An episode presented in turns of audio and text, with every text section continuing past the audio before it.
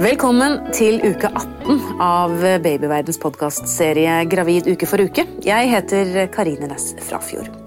En viktig hendelse rundt denne tiden er ultralydundersøkelsen som alle gravide får tilbud om.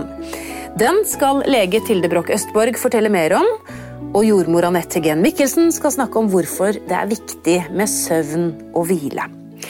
Vi skal også gå nærmere inn på denne ultralydundersøkelsen til det, og da passer det jo egentlig fint da, å ta en status på fosteret nå i uke 18. Hvordan ser det ut inne der? Hvordan har det utviklet seg eh, siden sist?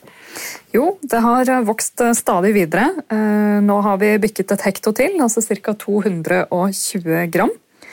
Blodsirkulasjonen har jo vært i gang lenge. Vi snakket jo om hvor mye blod som gikk rundt for noen episoder siden. Ja. Men nå har også immunsystemet begynt å fungere. Ja, hva betyr det? Det betyr at eh, fosteret har begynt å danne hvite blodceller som skal eh, beskytte det mot infeksjon når det kommer ut av mors liv. Ja, akkurat. Så da skjer det litt eh, der også. Skjer stadig noe. Ja, og, og nå er det jo sånn at hvis man da eh, tar dette tilbudet som det er, for det er ikke noe obligatorisk, denne ultralydundersøkelsen, men det er sånn at eh, man, man får tilbud om én offentlig ultralydundersøkelse, og den er nå rundt uke 18 en gang. Dersom man ikke eh, tilfredsstiller de eh, betingelsene for oss som er for å få en tidlig ultralyd, så tilbys alle gravide i Norge en screening-ultralyd eller en rutine-ultralyd et eller annet sted mellom uke 18 og uke 20. Ja. Og når du sier screening, hva, hva er det som skjer på, på undersøkelsen?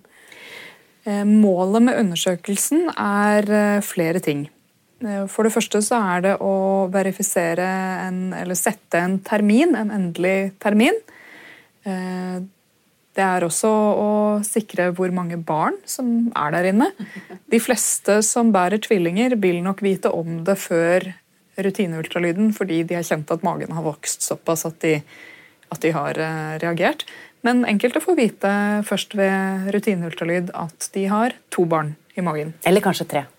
Eller kanskje tre, men da vil magen i hvert fall ha vokst på en måte som gjør at de fleste har fanget det opp før den tid. Ja.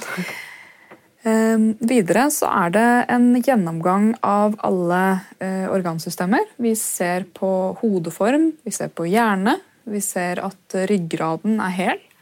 Vi ser nøye på hjertet, at det har dannet firkamre, at eh, klaffene er der de skal være, og at karene går dit de skal. Vi ser på magesekk, vi ser at foster har dannet nyrer. Vi ser på blære, vi ser på hvordan føttene er stilt, at, ikke, at fotstillingen er normal. Eh, Vi ser på fostervann, vi ser på morkakens plassering.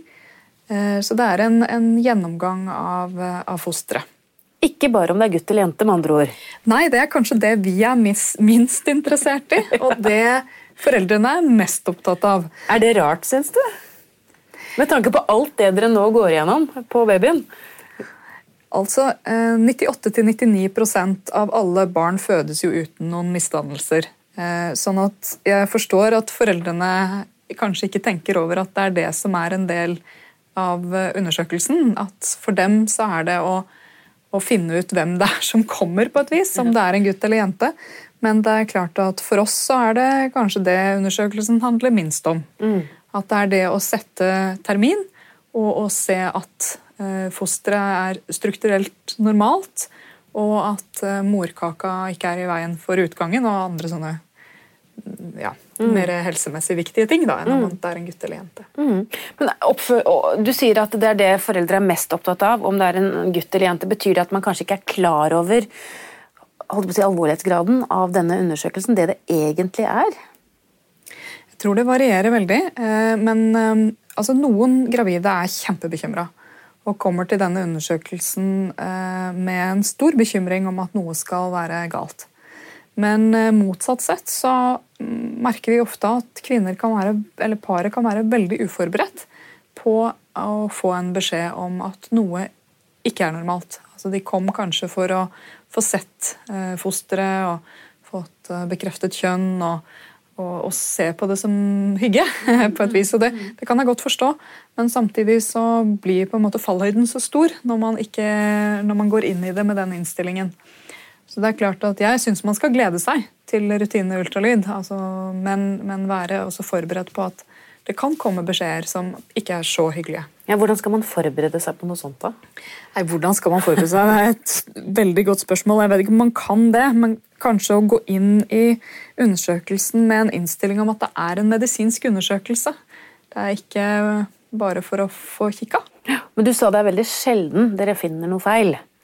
Og hvis man ser avvik, så trenger vel kanskje ikke det nødvendigvis å være noe heller, men kanskje, eller jeg vet ikke, er det sånn at dere ser noe som er litt sånn eh, utenfor normalen, og så, så kan man sjekke det ytterligere?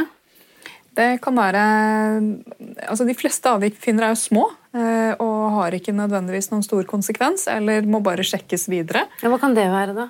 kan være hvis, eh, hvis fosteret har et litt utvidet nyrebekken på én side. Trenger ikke å bety noen ting, men vi, ser litt, nei, vi, vi følger det videre.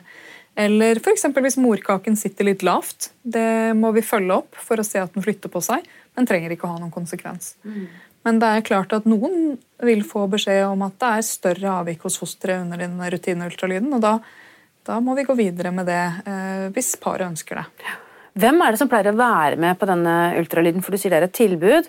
Og så vet jeg at noen syns det er litt I og med at man får se barnet på en ultralyd på en skjerm, eh, så kanskje man har lyst til å ha med yngre søsken. Med tanke på hva slags undersøkelse det er, er det lurt? Um, nå tror jeg det varierer fra sykehus til sykehus, men uh, i vårt brev til de som kommer til ultralyd, så står det ganske tydelig at vi anbefaler ikke at yngre søsken er med under undersøkelsen. Og Det er ikke for å være kjipe, men det er rett og slett for det første at de ofte ikke får så mye ut av det som det foreldrene kanskje tenker. I tillegg så kan det være et uromoment som gjør at eh, jordmor eller lege får, ikke får konsentrert seg så godt. Og så er det også det at dersom man får en sånn beskjed, da, eh, så er det kanskje noe man trenger å, å håndtere der og da uten å måtte ta hensyn til eh, et søsken. søsken. Og at den informasjonen som formidles, kanskje, hvis den skal formidles til søsken, at det kanskje ikke skal skje der. Og jeg må jo si at jeg synes Det er utrolig fascinerende at det faktisk Du ramset jo opp alle disse undersøkelsene dere faktisk har. At det er mulig å se alt det på et bitte lite barn på en ultralydskjerm?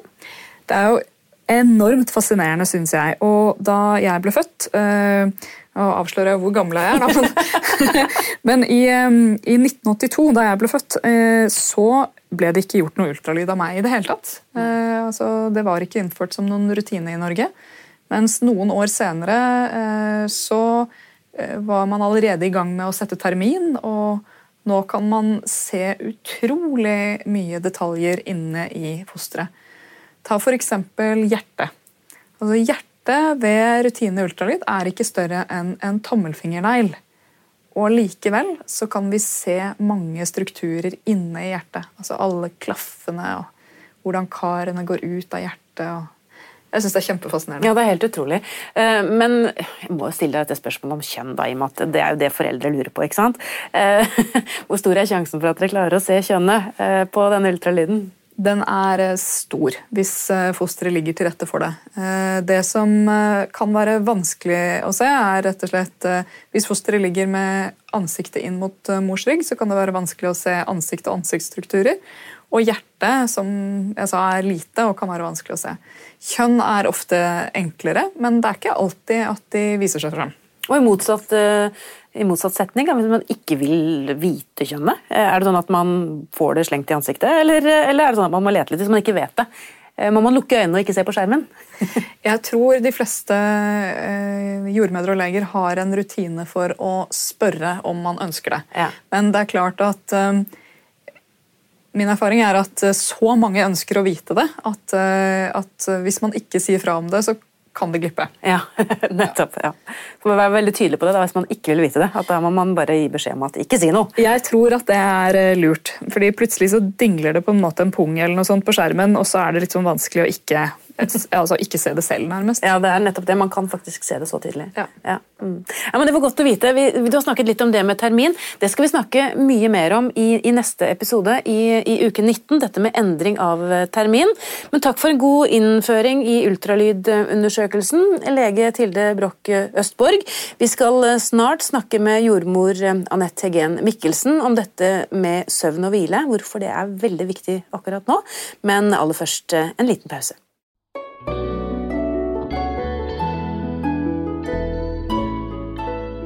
Ja, vi er altså i uke 18 av Babyverdens podkastserie Gravid uke for uke. Og Anette Hegen Mikkelsen, vi har snakket om ultralydundersøkelsen tidligere i denne episoden.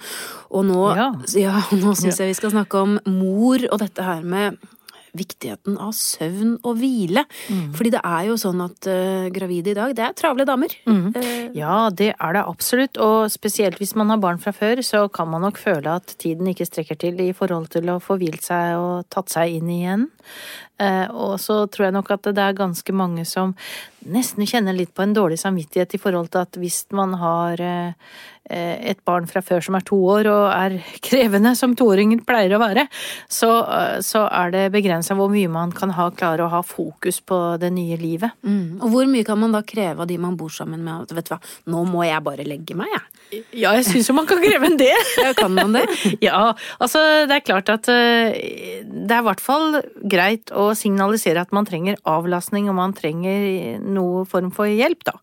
Eh, og det å Nå er det jo ikke sånn at det i praksis er mulig for de aller fleste går jo på jobb på denne tiden, og det tror jeg kanskje er bra òg, rett og slett. Ja, absolutt. Eh, Men, men også, man kan jo ikke legge seg ned og hvile seg med bena høyt midt på dagen på, på jobben. Det er vel de færreste som kan det. Eh, men, eh, men eh, i alle fall når man da kommer hjem og har gjort noe del av det som man må gjøre på ettermiddagen, at man da får mulighet til å ta en eh, timeout. Men jeg har bare lyst til å si det.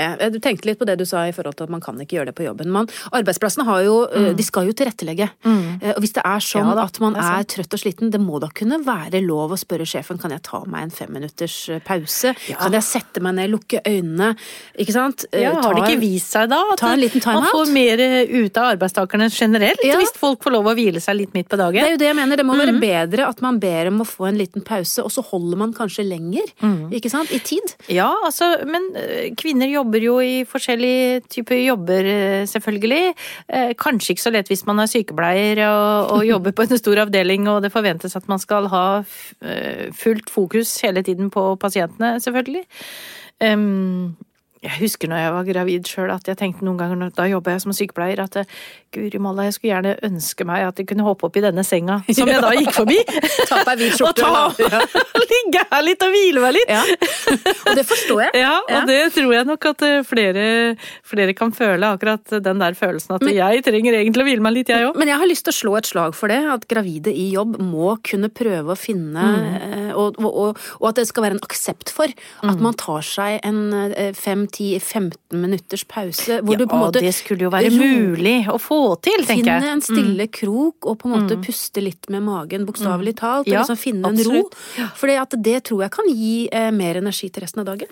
Absolutt, og det, det er klart at på de aller fleste avdelinger, eh, både i sykehus og andre steder, så finnes det jo noen type stoler eller, eller annet som gjør at man kan eh, hvile seg og lukke øynene litt grann, og ta det litt grann med ro. Det, det tror jeg nesten at man kan eh, forhandle seg fram til nesten hvor som helst. Ja, og jeg tror det skal gå ganske greit også. Mm. Eh, Og jobber man på kontor, så er det jo stort sett greit at man Mm. kan på en måte bare ta seg litt friheter når man er gravid. For det er jo tross alt en, et viktig arbeid som gjøres når man skal, skal bære frem et barn. Ja, altså sett fra en jordmorsperspektiv, for å si det sånn, så er vel den viktigste jobben man kan gjøre, egentlig det, da. Men rent sånn fysiologisk, for det er jo faktisk sånn at man har et økt behov for søvn og hvile når man er gravid. Ja, det har man jo. Så, så der igjen så har vi jo snakket om fra før at eh, det å lytte etter eller tenke på hva er det kroppen trenger nå, hva er det jeg egentlig trenger nå, trenger nå altså være litt oppmerksom på hva man kjenner, eh, kan, er eh, veldig viktig. Og jeg tror vi er, kan være litt lite flinke til det om dagen. Ja, for det- At vi bare haster videre og gjør jobben vår fullt ut, og vel så det. Og så blir vi jo fortalt at det å være gravid ikke er det samme som å være syk, så derfor så vil man jo gjerne yte så mye man kan også. Ikke sant? Man er vant til å være på farta, man er vant til å, til å gi alt man har, mm. og kanskje da man glemmer å stoppe opp og lytte til kroppen underveis. Ja, og så er det jo det der at hvis man lytter til kroppen underveis og tar seg små pauser underveis, så holder man kanskje lengre. Fordi at jeg tror at vi har vi, drives litt av Eller eh, flink pike-syndromet er egentlig veldig utbredt eh, blant norske kvinner, syns jeg, da. Og da tenker jeg jo at man presterer eh, maksimalt hele tiden. Og så er det sånn at når det kommer til et stykke, så møter man da etter hvert veggen. Og da må man jo ha en form for sykemelding eller svangerskapspenger eller noe annet. Fordi at man, man klarer bare rett og slett ikke mer. Så det hadde nok vært lurt om man i tide begynte å ta litt hensyn til seg sjøl. Og det er jo et magisk ord som ikke så mange er flinke til å bruke, og det er jo nei. Ja. Eh, altså, Generelt er, vi, er, det et vanskelig ord. Ja, og tenker det er kanskje viktigere å bruke det ordet når man er gravid. Ja. Eh, nei, eh, jeg kan ikke komme på foreldremøte selv om jeg vet det er viktig. Mm. Eh, det får mannen min eller partneren min eller noen andre gjøre. Og nei, det hadde vært hyggelig å komme til forening i kveld, men jeg er sliten, jeg må faktisk sove. Mm. Altså at man på en måte er Selv om alt er jo gøy, og mm. alt er jo hyggelig, og man har lyst til å på en måte strekke seg og være med på alt, men, mm. men noen ganger så må man kanskje bare si nei.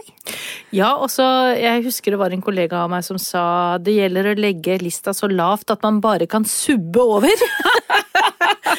den skal jeg huske Med. Ja, og den, den, den, la jeg merke til, fordi at den tror jeg vi kunne trenge å minne oss sjøl på veldig mange. Ja, og, I mange sammenhenger. Ja, og spesielt etter at barna har kommet òg, så er det ja. viktig å huske på den. Men, men, det er klart at det er et veldig veldig godt, god måte å se det på. Mm. At man, man trenger vel ikke ikke å være med på alt. Eh, og spesielt Nei, ikke nå. Ikke bruke, man behøver ikke kjøpe Man kan kjøpe en kjekspakke istedenfor å prestere en hjemmebakt kake. Eller altså, man kan finne noen snarveier, noen lettere løsninger mm. enn det man har prestert eh, før, da, for å si det sånn. Det sitter kanskje langt inne hos mange, da? Ja, det vil jeg tro. Og så skal vi jo ha det så rent og pent hjemme, og det er jo selvfølgelig viktig at det er eh, noenlunde ålreit hjemme. Bakteriene ikke florerer, men det Bakterier gjør det. er sunt, vet du. Ja. ja, og stort sett så er altså Det er jo også et annet uttrykk som heter godt nok. Ja. Eh, mm. At kanskje vi skal si at vet du hva, nå er det, nå er det godt nok hjemme mm. hos meg. Mm. Eh, for jeg trenger eh, litt ekstra tid på sofaen i mm. stedet for å vaske badet. Mm. Ja, absolutt. Det er også sånn at vi skal prestere liksom tipp topp på alle fronter om dagen.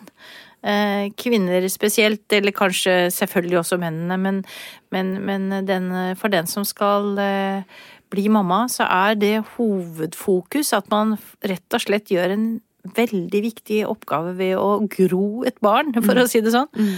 Og at det krever sitt. Eh, og det må man eh, lære seg å ta hensyn til.